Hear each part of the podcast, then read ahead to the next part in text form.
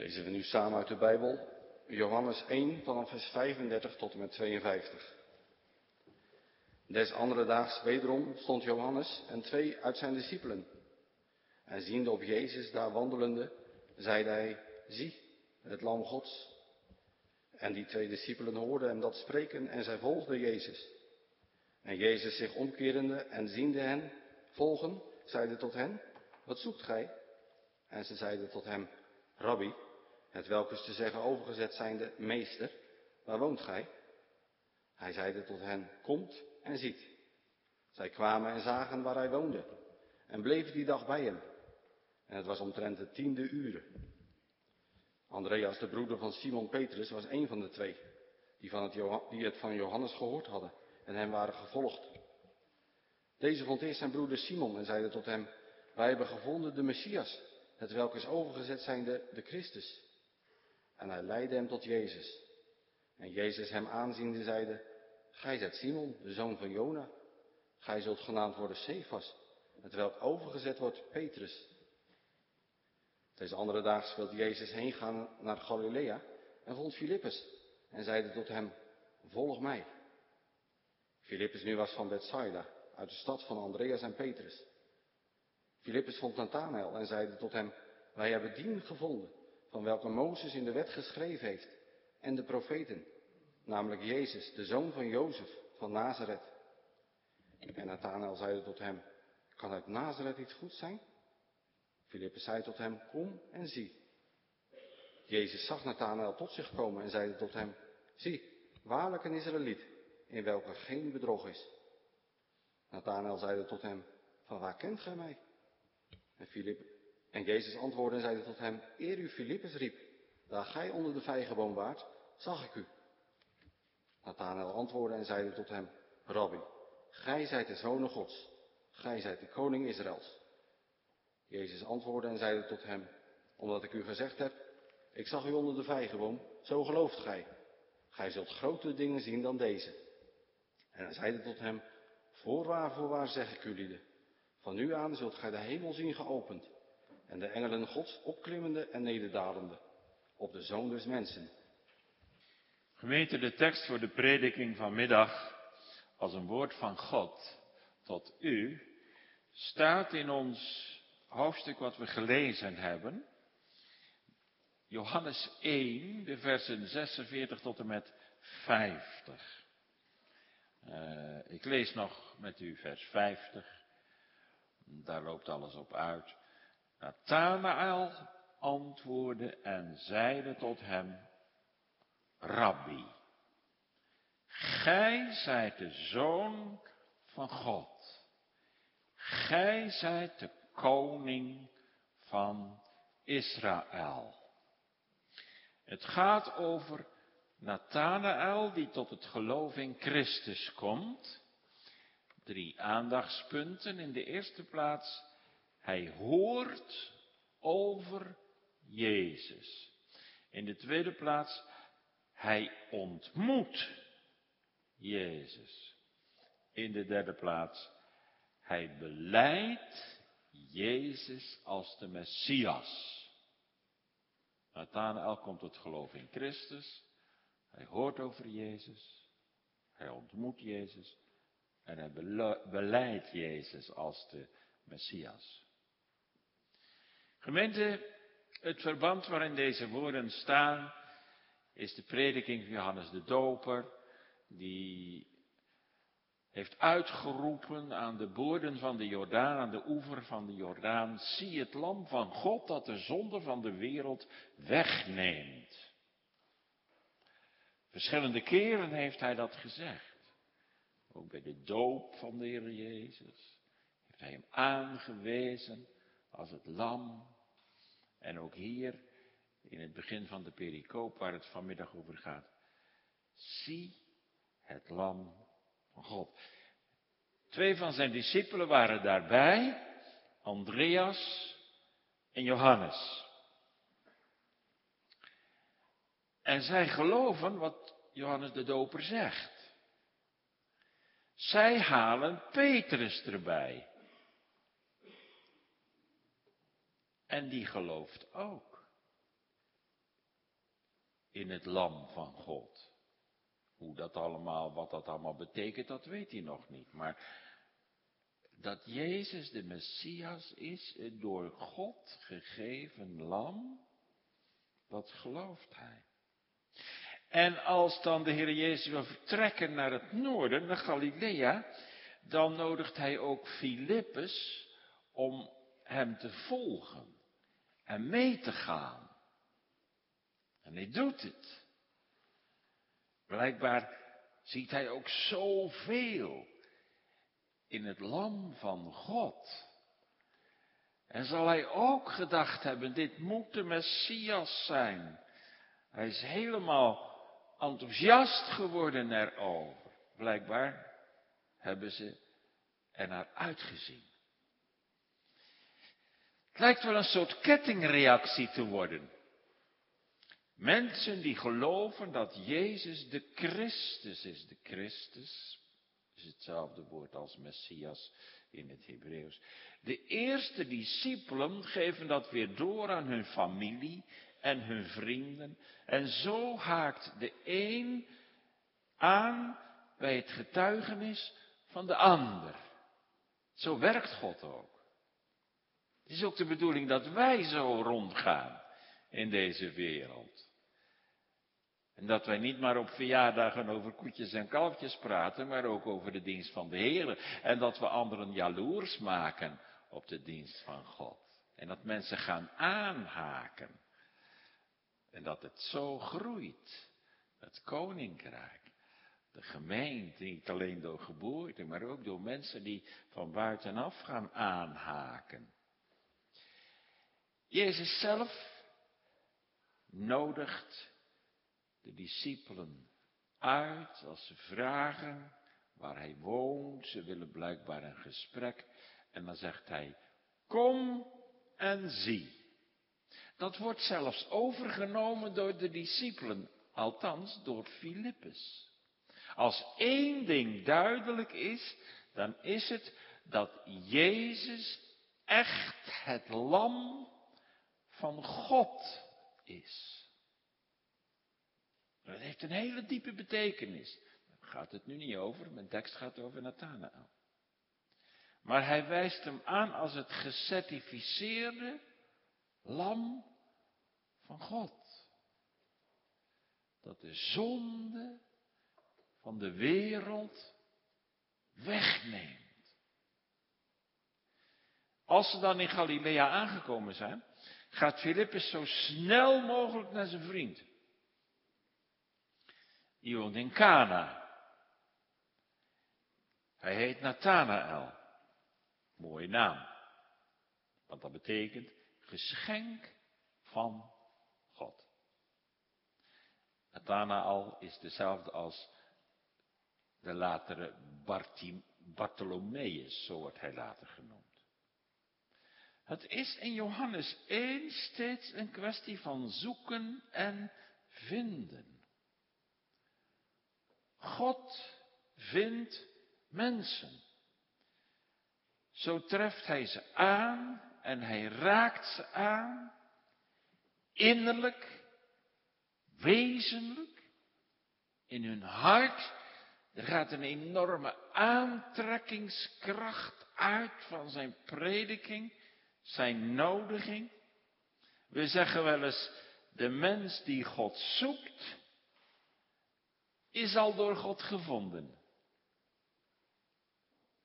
En ik denk dat het waar is, dat de Bijbel daar genoeg reden voor geeft. Hebben we net gehoord uit de Dordtse leraars. Jezus is gekomen om te zoeken en zalig te maken die verloren is.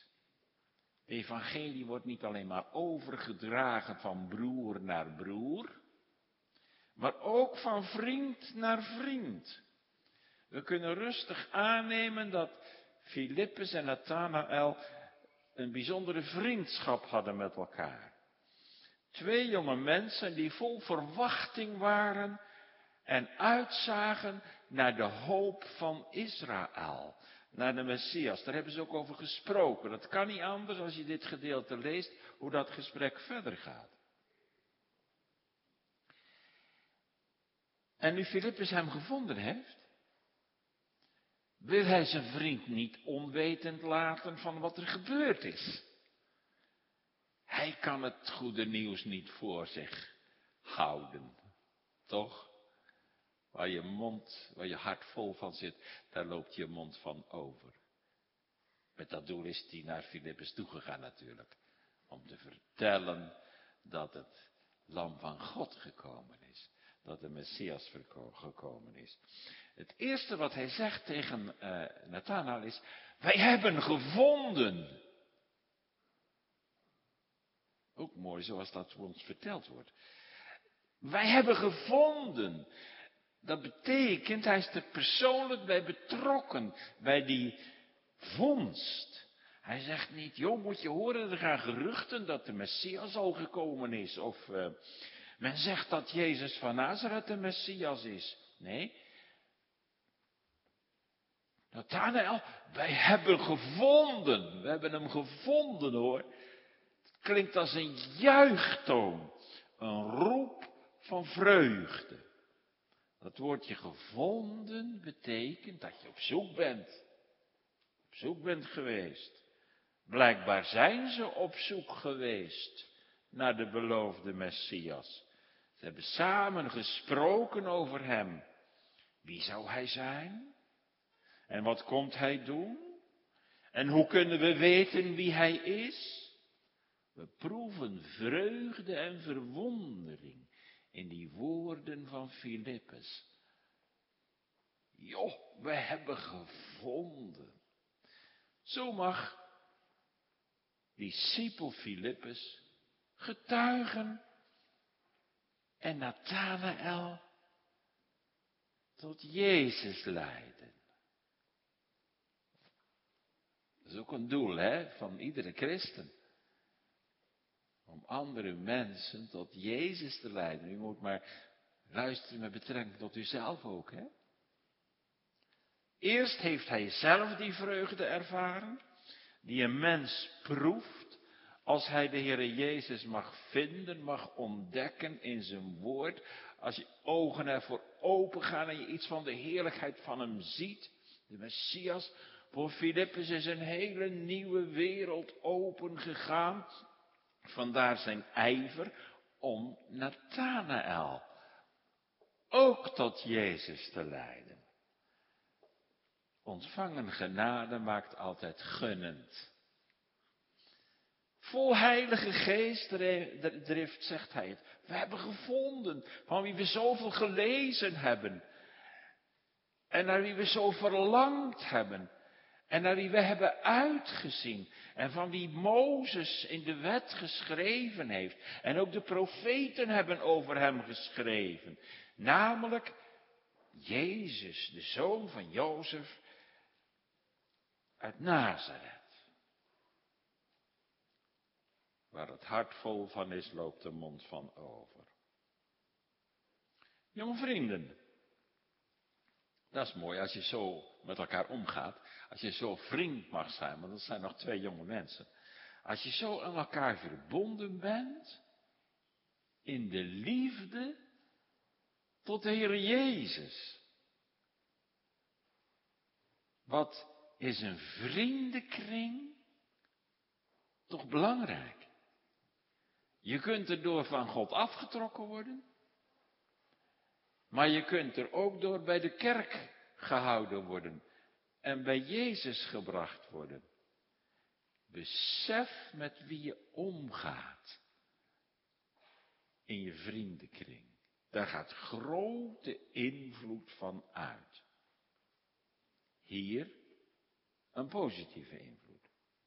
Mooi toch? De naam Jezus is alles geworden voor Filippus.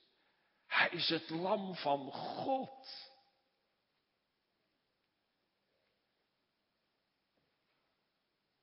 De reactie van Nathanael is nogal ontnuchterend. Een soort koude douche voor Filippus. Hij vertelt over die grote rijkdom die hij gevonden heeft en de Jezus ziet. En dan krijgt hij een, een ontnuchterende reactie. Nathanael heeft hem rustig aangehoord en nauwkeurig geluisterd. Misschien ook met een diep verlangen in zijn hart, zou het waar zijn? Maar uiteindelijk is hij teleurgesteld, want hij zegt, Messias, kan uit Nazareth iets goeds komen? Daar klopt toch niks van? De Messias moet toch uit Bethlehem komen? En waar spreken de schriften van over de zoon van Jozef? Toch nergens? En zo zet Nathanael met de Bijbel in zijn hand, het Oude Testament, zijn vriend bij zijn vriend Filippus de domper op zijn vreugde dat hij de Messias gevonden zou hebben. Misschien herkent u dat ook wel in uw eigen leven. Dat je iets mag zien van de rijkdom van Christus. Dat de Heer je onderwijst op de school van zijn genade. Dat je enthousiast iets vertelt over een ontmoeting met de Heer die je mocht hebben. En dat er argwanend wordt gedaan of schouderophalend gereageerd wordt. Dat kan best een stuk beproeving voor je zijn. Dan is het soms echt even slikken. Als je weer denkt aan die rijkdom die je in Christus gezien hebt. En die vreugde die toen in je hart kwam. Ja. Maar beproevingen zijn altijd louterend. En het werpt je terug op het woord. Heren, vergis ik me dan? Hebben zij gelijk? En dan zal de Heere zijn eigen werk bevestigen. De Heere zorgt voor zijn eigen werk. Dus er zit best iets goeds in dat nuchtere van Nathanael. Het is toch te prijzen dat, niet alle, dat hij niet zomaar alles klakkeloos accepteert. Je moet toch alles toetsen aan, aan, het woord. En hij denkt na, Nazareth, Jozef. Zeg Filippus, welke Bijbel gebruik jij eigenlijk? Dat kan toch niet waar zijn wat jij zegt? Hij laat zich niet zomaar iets op de mouw spelden. Sommige mensen laten zich gemakkelijk meeslepen hè, door een enthousiast verhaal. Of een vurig getuigenis. Of door hun gevoel. Ze laten zich meetrekken door een imponerend verhaal. Indrukwekkend. Denk aan de christenen in Berea. Die onderzochten of deze dingen al zo waren. Als Paulus probeert te bewijzen dat Jezus Christus de Messias is, dan gaan ze in de Bijbel, hun, dat is het Oude Testament, in hun Bijbel onderzoeken of het waar is.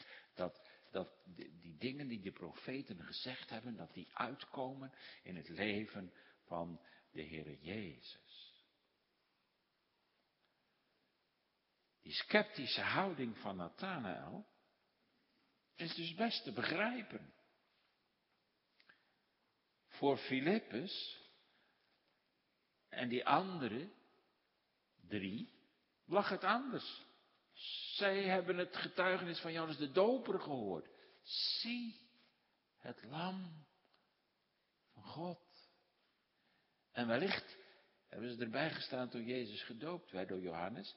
Want toen heeft hij ook gezegd, zie het lam van God. En, en, en, en dat toen de duif, de heilige geest, is neergedaald op hem. En dat de hemel openging. En dat God sprak, deze is mijn geliefde zoon, in welke ik mijn welbehagen heb. Nou, geen leed kan dat ooit uit hun geheugen wissen. Ze zijn er vast van overtuigd. Maar ja, dat had natuurlijk Nathanael niet meegemaakt. Jezus, het door God gegeven lam. En Jezus heeft God, God de Vader, zijn liefdehart geopend en laten zien dat hij al zo lief de wereld had, dat hij zijn enige geboren zoon gegeven heeft. Want het woordje lam wijst er in ieder geval op dat het gaat om het offer. Een offerlam. En ze kenden Jezaja 53. Beter dan de Joden nu. Want die slaan dat over. Als ze de Bijbel lezen. Het lam. Goedgekeurd door de priester. En dat Jezus in Nazareth woont, wil nog niet zeggen dat hij niet in Bethlehem geboren kan zijn. En wat zegt Filippus daarop? Nou, Filippus laat zich door de argumenten van Nathanael geen ogenblik uit het veld slaan. Hij begrijpt zelf ook allemaal niet helemaal, maar de ontmoeting met Jezus heeft hem er diep van overtuigd dat het waar is. Hij gaat ook niet in discussie. Hij zegt, kom en zie. Ga mee, man. Dan kun je jezelf ervan overtuigen dat het echt is. En dat loopt uit op wat we in onze tweede gedachte noemen de ontmoeting met Jezus. Kom en zie. Ga mee. Nathanael. Ons eerste aandachtspunt was, hij hoort over Jezus en nu, hij ontmoet Jezus. Want hij geeft gevolg aan de uitnodiging. Gemeente, het geloof is meer dan het verstand. Je kunt precies proberen te zeggen hoe het moet zijn. En toch is het geloof nog anders. Je moet het proeven. Je moet het beleven. Je moet het voor eigen hart en leven ervaren. Wij geven daar het woordje bevinding aan. Het wordt een persoonlijke ervaring. Voor het geloof hoeft niet alles doorzichtig te zijn. Het geloof is een levende verbinding met Christus. En dat kan je niet altijd precies onder woorden brengen. Niet dat je verstand, dat, dat wat je verstand omgaat, want de Heilige Geest verlicht je verstand. Maar hij, hij, hij vernieuwt ook je hart. Je wil, je denken, alles. En daarom gemeente, jonge vrienden, wacht niet om naar Jezus te gaan totdat je alles begrijpt. Het hart heeft zijn redenen die de reden niet kent. Filippus is helemaal ingewonnen door de persoon van de Heer Jezus Christus. En nu kan Nathanael nog zoveel tegenargumenten opbrengen. Hij kan maar één ding tegen, tegen Nathanael zeggen. Man, kom dan mee naar hem toe. Kom en zie en overtuig jezelf. Filippus gaat geen theologische discussie met hem aan. Dat helpt in zo'n geval helemaal niet. Argument botst op argument. In een discussie krijg je vaak hete hoofden en koude harten. Als je al die artikelen lezen, gelezen hebt in het RD over de statenvertaling en, en de herziene statenvertaling en, en, en of er dan nog een nodig is, de zoveelste, dan krijg je hete hoofden en koude harten. Wees maar dankbaar dat je een Bijbel hebt. Een discussie kan wel verkeerde voorstellingen wegnemen. Maar dat is niet genoeg om iemands hart in te winnen en te brengen tot geloof en bekering. Wat kun je beter doen dan tegen elkaar zeggen, kom en zie, overtuig jezelf ervan. Zoals die mensen in, in Samaria, in Sichem, er staat, ze geloofden niet meer om wat die vrouw zei, maar ze zeiden, we hebben hem nu zelf gehoord. En daar is hun geloof op gebaseerd. Er kunnen zich situaties voordoen waarbij ons spreken over Christus niet zinvol is. Nathanael moet een persoonlijke ontmoeting met de Heer Jezus hebben en dan zelf maar uitmaken of Filippus gelijk heeft of niet. Of Mozes hierover gesproken heeft in de wet of niet. Nathanael moet zichzelf ervan overtuigen. Wie kan beter zeggen wie Jezus is dan hijzelf? De Christus. Aan zijn voeten, mag u daar wel eens zijn? Aan zijn voeten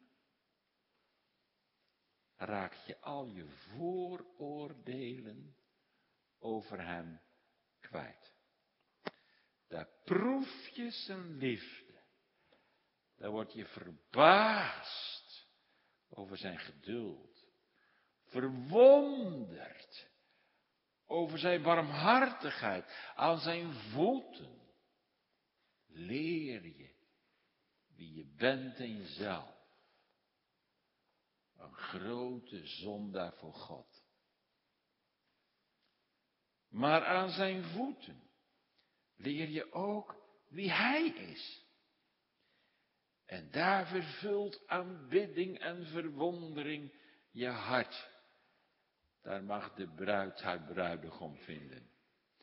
Kom en zie. Dat is de beste raad die je in zo'n geval geven kunt. Geef maar hoog op van de Heere Jezus. En laat het woord van God zelf zijn kracht doen. Dat geldt ook iemand die worstelt met de vraag of God wel echt bestaat. Die mensen zitten ook wel eens in de kerk hoor. Ik ken er wel uit mijn gemeente. Nou ja, mijn gemeente, de gemeente waar ik gediend heb.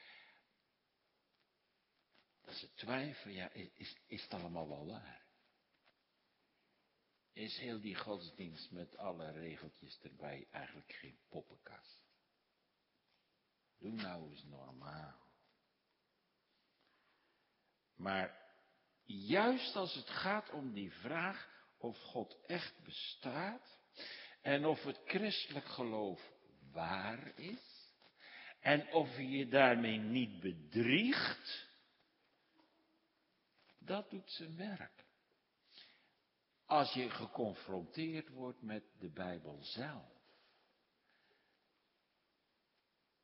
Een kracht van God tot zaligheid.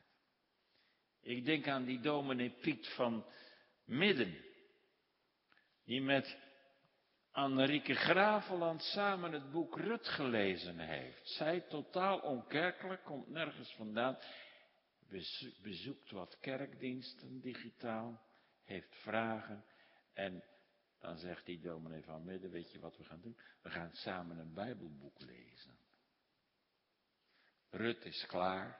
Spannend boek natuurlijk. Zeker voor een onkerkelijk iemand. En nu is de Korinthebrief aan de beurt. Nou, dat is nou eigenlijk, kom en zie. Overtuig jezelf ervan. Jongelui, als je worstelt met de vraag of de Bijbel echt Gods woord is, kom en zie. Als je de Heer Jezus zoekt, kom en zie. Als je met moeilijke vragen zit en met je grote nood, kom en zie. Bij Hem ben je aan het enige goede adres. Als je vergeving zoekt van je zonden en bevrijding van je schuld en een nieuw leven voor God wil ontvangen en beginnen, kom en zie. ondanks de bezwaren die Nathanael heeft, gaat hij toch mee met Filippus naar Jezus. En zo komen ze samen bij Jezus. De een met een stille hoop dat zijn vriend ook heerlijkheid zal gaan zien in de Heere Jezus. En de ander ongetwijfeld met een hart vol bedenkingen en twijfels. Maar de ontmoeting met Jezus wordt voor hem van beslissende betekenis. Zijn leven wordt er radicaal door veranderd. Al zijn bezwaren en bedenkingen met betrekking tot het messiaschap van Jezus van Nazareth verdwijnen als sneeuw voor de zon.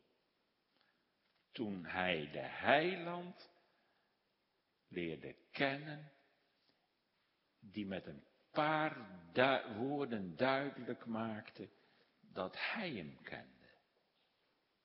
Jezus ziet Filippus en Nathanael aankomen. Hij ziet en doorziet alles. Hij weet alles. Hij kent Nathanael. Hij weet van zijn verlangen. Hij weet van al zijn aarzelingen. En daarom gaat hij zich nu aan Nathanael openbaren. Hij krijgt een teken opdat hij zal zien en geloven. Nu Nathanael zijn bedenkingen en aarzelingen heeft, nu wendt de Heere Jezus zich niet af. Hij zegt niet, nou, als jij nou niet gelooft dat ik de zaligmaker ben, de Messias, wat kom je dan eigenlijk doen, man? Nee, hij komt hem te hulp. Hij buigt zich als het ware over hem heen en hij zegt, zie je nu wel dat ik de Messias ben? Hij verwijt Nathanael niet. Jezus laat alleen maar een teken zien van zijn alwetendheid en zijn almacht. En macht en majesteit. Jezus laat hem merken dat hij Nathanael doorgrondt en kent. Lees maar mee in vers 48. Jezus zag Nathanael tot zich komen en zeide tot hem, zie, waarlijk een Israëliet in welke geen bedrog is. Staat de vertaling vertaald met Jezus zeide tot hem. In het Grieks in de grond was dat eigenlijk Jezus zeide over hem, namelijk tegen de omstanders, de andere discipelen. Maar natuurlijk hebben zijn woorden ook het oor van Nathanael bereikt. En wat meer is, zijn woorden raken zijn hart. Wij mensen vergissen ons zo in elkaar. Jezus vergist zich nooit, gemeente. Hij weet precies wat er in uw hart leeft. En wat u denkt. En wat u vindt. En ook mijn hart. Hij kent ook onze diepste motieven die zitten achter ons handelen. Hij weet waar het u en jou om te doen is. Waar ons hart naar uitgaat. En wat meer is. Wat Hij zal doen in ons hart. Het kan een zaak zijn om van te huiveren dat Jezus alles weet.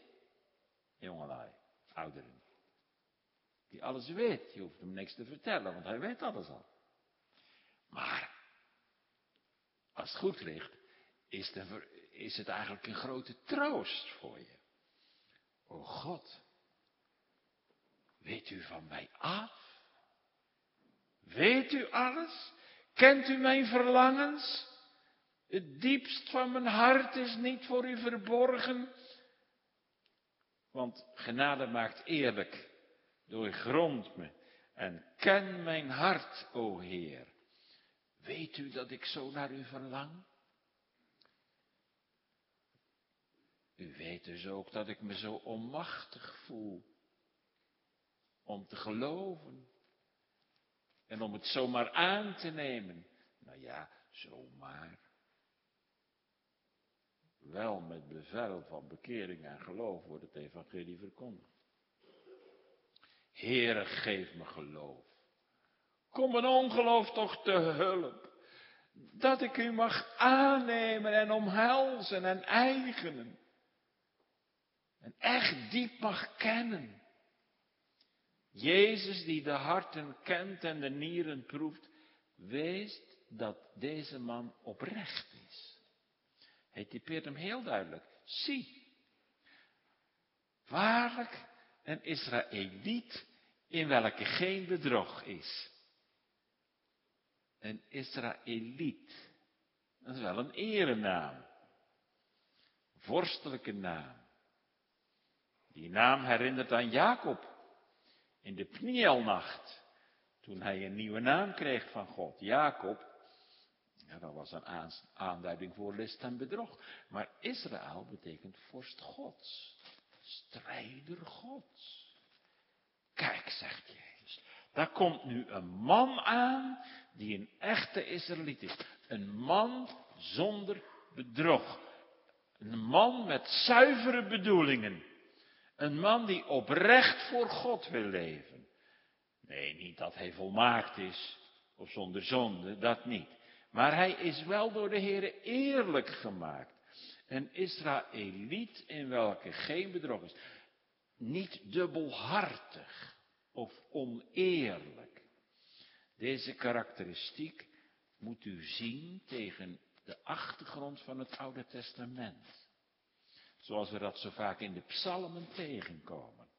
De oprechten van hart, daar wordt over geschreven. Oprecht voor God en mensen. Wordt ook gesproken over de rechtvaardigen in de psalmen. En daarmee prijst Christus Nathanael niet van, nou jongen, dat heb je goed gedaan, maar eigenlijk prijst hij zijn eigen werk in Nathanael. Nathanael zou dat van zichzelf niet durven zeggen. Hij is juist verwonderd over wat Jezus zegt. Veel Joden beriepen zich er in die tijd op dat de Israëlieten waren. Zonen van Abraham. Maar ondertussen, wat haalden ze allemaal uit? Ze verdrukten de weduwen. Gingen hun om vaak om eer en roem en geld. Deze man is oprecht en vroom. En u? Kunnen ze dat van u zeggen? Een vrouw in welke geen bedrog is. Een jongen die echt oprecht is. Een meisje dat eerlijk gemaakt is voor God. Nee, daar zul je je niet op voor laten staan. Juist als je oprecht bent, dan word je wel voorzichtig. En bescheiden.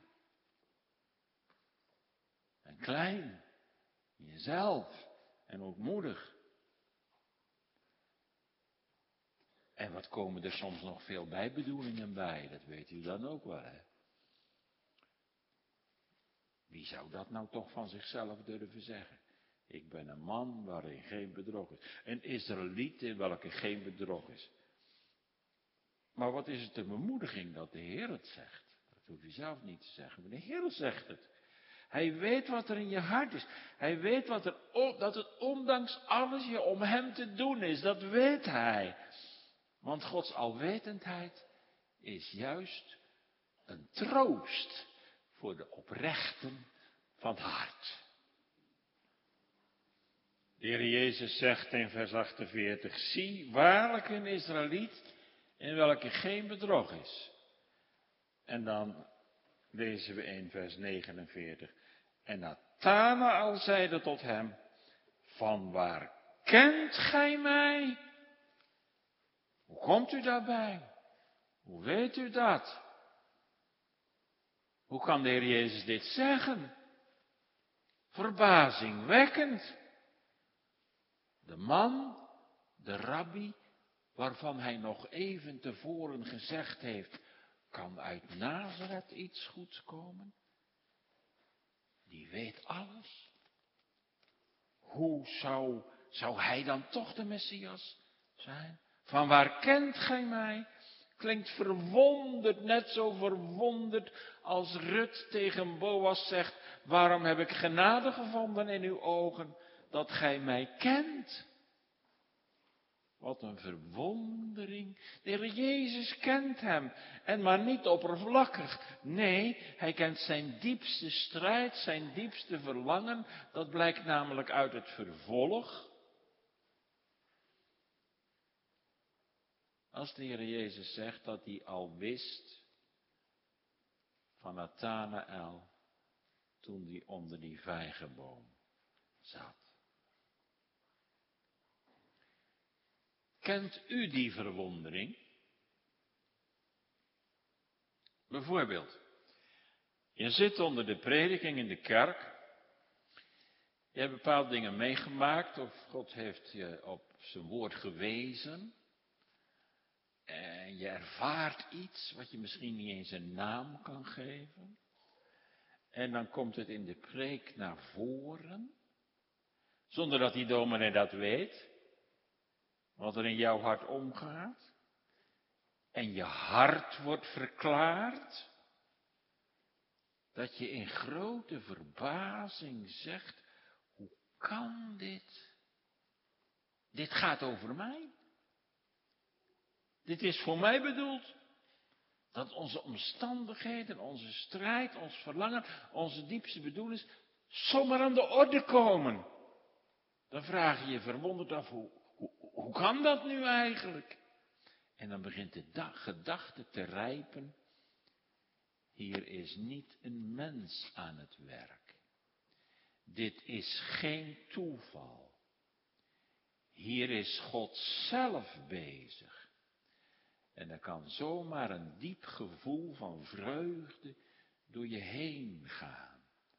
Dat je zelf begint te ontdekken dat God in je leven aan het werk is.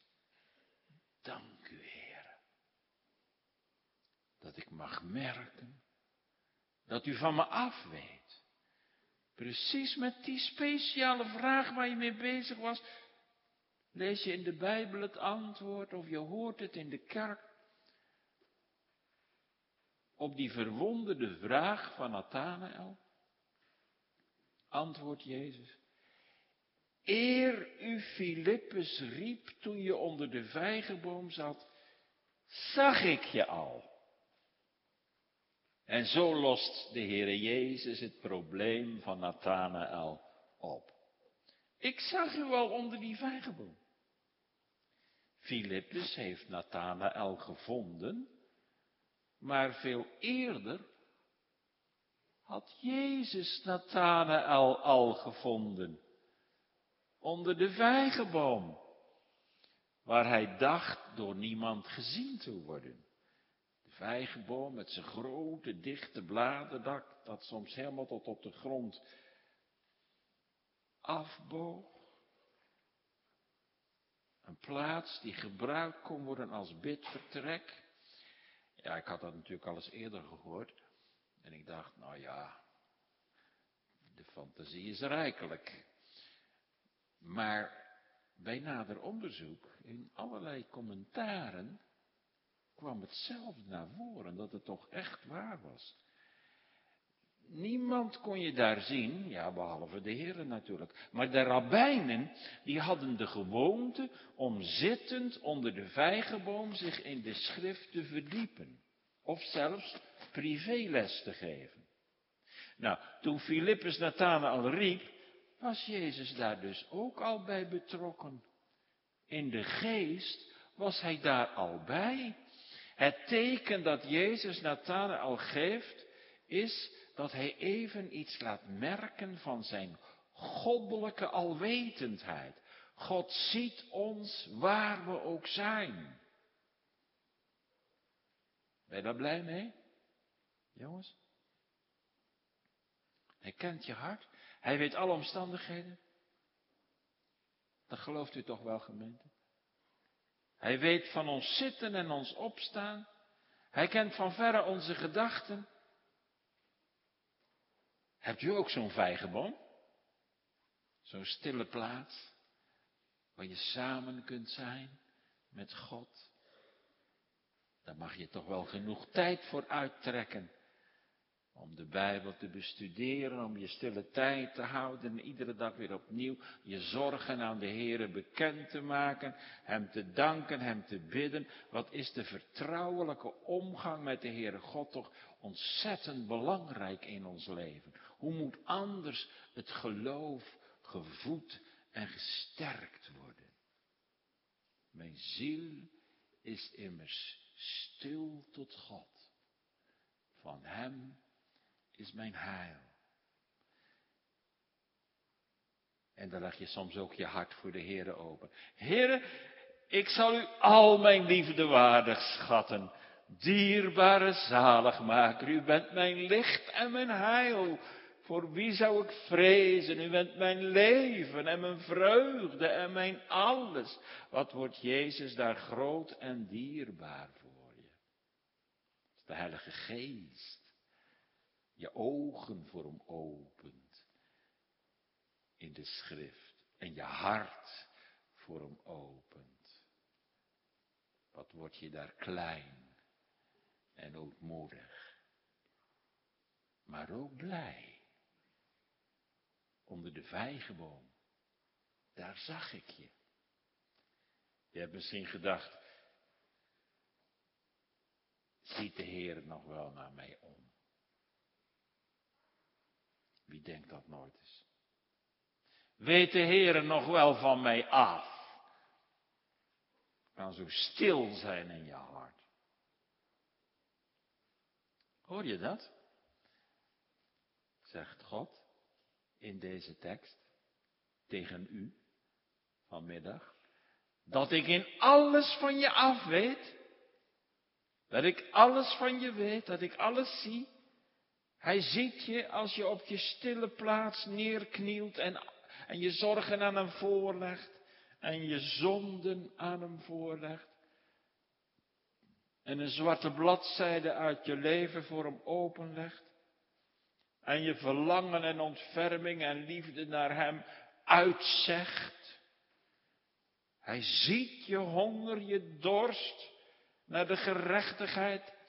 Als je bang bent dat je Hem niet zult vinden, omdat je Hem niet kunt missen. Hij weet het allemaal, gemeente. Vindt u dat geen troost? Hij ziet je zorgen, hij ziet je teleurstellingen, ook als je steeds meer ontdekt hoe verdorven je van binnen bent. En toch zie je geen afwijzing in zijn ogen. Je ziet brandende liefde en ontferming in de ogen van de Heere Jezus. Hij kent je door en door, hij wil je hebben. Je bent welkom bij hem. Nathanael, Eer u Filippus riep, daar gij onder de vijgenboom was, zag ik u. Ik weet wie je bent. Ik zie je heiligste ogenblikken in je leven. Ik zag je in de binnenkamer. En toen, gemeente, toen gingen de ogen van Nathanael helemaal open voor deze vreemdeling. En alle bezwaren in zijn hart losten zich op als een nevel in de morgenzon. Ja, voor hem staat nu de zon der gerechtigheid. Nathanael is zo onder de indruk van Jezus alwetendheid, dat hij in één keer al zijn vooroordelen over Jezus aan de kant zet. En spontaan beleidt hij in het geloof Jezus als de Messias. Rabbi. U bent de zoon van God. U bent de koning van Israël. Door dit teken wordt hij helemaal voor de Heer Jezus ingewonnen. Hij kan niet anders meer dan zichzelf aan hem overgeven. Aan hem kwijtraken dan die in die heerlijke beleidenis. Die in vers 50 staat. Rabbi. u bent de zoon van God. Koning van Israël. Nathanael is helemaal overrompeld. Weet deze rabbi wat God alleen weet? Dan moet hij toch als God zijn. Dan moet hij toch God zelf zijn. Jezus heeft zijn hart geraakt en ingenomen. Rabbi, u bent de zoon van God. De koning van Israël. Nathanael komt tot onaanbidding van de Heer Jezus. Als hij hier rabbi zegt, betekent dat ik wil u ook volgen. Mijn meester. Ik, ik, ik wil ook een volgeling van u worden. En die twee keer, u bent, u bent. Op deze sprekende manier geeft hij zichzelf gewonnen aan de Heer Jezus. Met die paar woorden zegt hij meer dan, dan anderen al over Jezus gezegd hebben. Zo heeft iemand hem nog nooit genoemd. Wel het woordje rabbi, leermeester, zelfs de Christus, de Messias, maar dit niet. De Zoon van God, de Koning van Israël. Dat is een nieuwe beleidenis. Dat is hem door God geopenbaard. Uit Nazareth was toch iets goeds gekomen. En zo blijkt Nathanael de Heer Jezus, zo beleidt hij de Heer Jezus als de door de Bijbel, door het Oude Testament beloofde Messias.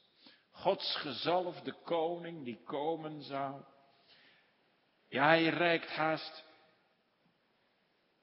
hij reikt daar nog overheen. Want hij noemt hem de zoon van God. De zoon van God. Hij is op aangrijpende wijze geconfronteerd met zijn goddelijke alwetendheid. Hij kan niet anders dan hem zo verheerlijken en prijzen. Gemeente, wat, wat is dat heerlijk. Herkent u dat nou? Als je zo mag antwoorden op de openbaring van Christus in zijn woord. En door de Heilige Geest aan je hart. Als we zo de naam van Christus mogen uitspreken, biddend en beleidend, alle jamaars moeten opgeruimd worden. Dan gaat het net als bij Thomas. Eerst geloofde hij niet in de opstanding en dan zegt hij mijn Heere en mijn God bij het zien van de tekenen. Nou, zo gaat het bij Nathanael als hij hoort wat Jezus tegen hem zegt. En bij Thomas was het na de opstanding, hè? dat moet u wel beseffen. Bij Nathanael is het nu al.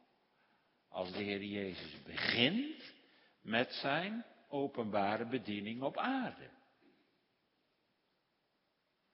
Komt het u bekend voor waar het hier over gaat?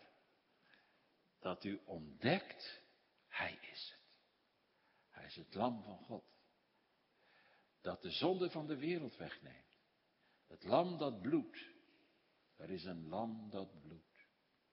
Dat geofferd wordt aan het kruis op Golgotha voor de zonde van de wereld. En als dat tot je door gaat dringen en je wordt er door de Heilige Geest bij ingesloten, dan zeg je, Heer, u bent mijn heil, mijn leven u alleen. U bent alles voor mij. Ik kan niet zonder u. Ik heb u lief. Ik wil u volgen. Waar u ook heen gaat. En dan komt het tot die beslissende ontmoeting tussen Jezus en u. Is dat niet groot? Ja, dat is een grote genade. En is dan je doel bereikt? Is dan het doel van je leven bereikt. Dat je kunt zeggen, nou, ik geloof echt. En? Mijn zonden zijn vergeven. En straks ga ik naar de hemel. Dat toch alles, of niet? Nee, dat is niet alles. Nee, nee. Dat is natuurlijk wel heel belangrijk. Dat is ook de bedoeling. Maar daar is niet alles mee gezegd. Als je de Heer Jezus hebt gevonden, dan begint het pas. Dan begint het pas. Het leven met Hem en voor Hem en uit Hem. Dat nieuwe leven met Christus om Hem te volgen en te dienen. En van Hem te getuigen. En je wordt steeds afhankelijker van Hem. Want er is zoveel te leren in Hem. Zijn levensloop, zijn gehoorzaamheid aan Gods wet, zijn sterven aan het kruis voor de zonde, de opstanding, de hemelvaart. Hij vergadert zijn kerk vanuit heel de wereld. Dat beleiden die inwoners van Sigar trouwens. Jezus is niet alleen de koning van Israël, maar zij zeggen hij is de zaligmaker van de wereld. Daar komen alle heidenen bij, net als God aan Abraham beloofd had. In u zullen alle geslachten van het aardrijk gezegend worden. De zaligmaker der wereld. En je ziet hier de ontwikkeling. En Jezus is het hoofd van de gemeente. De koning van Israël. Maar hij is het hoofd van de gemeente. En de gemeente is zijn lichaam. En wij zijn de leden van dat lichaam. En dat hij de koning van Israël is, dat zal nog blijken in de toekomst. Als hij plaatsneemt op de troon van zijn vader David in Jeruzalem. Heere Jezus aanvaardt en erkent die beleidenis van Nathanael als een echte beleidenis van het geloof. Wel krijgt hij te horen dat er nog veel meer is. Dit is nog maar het begin van de openbaring van Gods heerlijkheid. Voor Nathanael is dit nu genoeg. Heel bijzonder. Jezus is de zoon van God. De koning van Israël, de Messias. Jezus belooft hem en de mensen die om hem heen staan dat ze nog grotere dingen mogen zien. Zijn wonderen, zijn tekenen. Het volgende hoofdstuk gaat al over Cana in Galilea, weet je wel, op die bruiloft. En ziekengenezing en dodenopwekking. Allemaal bewijzen van zijn macht en majesteit. Bewijzen dat hij de Messias is. En wat denkt u van het kruis? Het kruis van de verzoening. Want hij is toch het lam? Het lam van God wordt geofferd op het altaar van het kruis. Zo lief had hij zondaars dat hij voor hen stierf en zo door zijn zoenbloed genade verwierf. Denk aan Pasen, hemelvaart, Pinksteren, al die rijkdom van het evangelie. Kom en zie. Buiten hem is de hemel gesloten. Boven hem is de hemel geopend. Bij hem wordt zijn heil verkregen. En in hem is het eeuwige leven. Amen.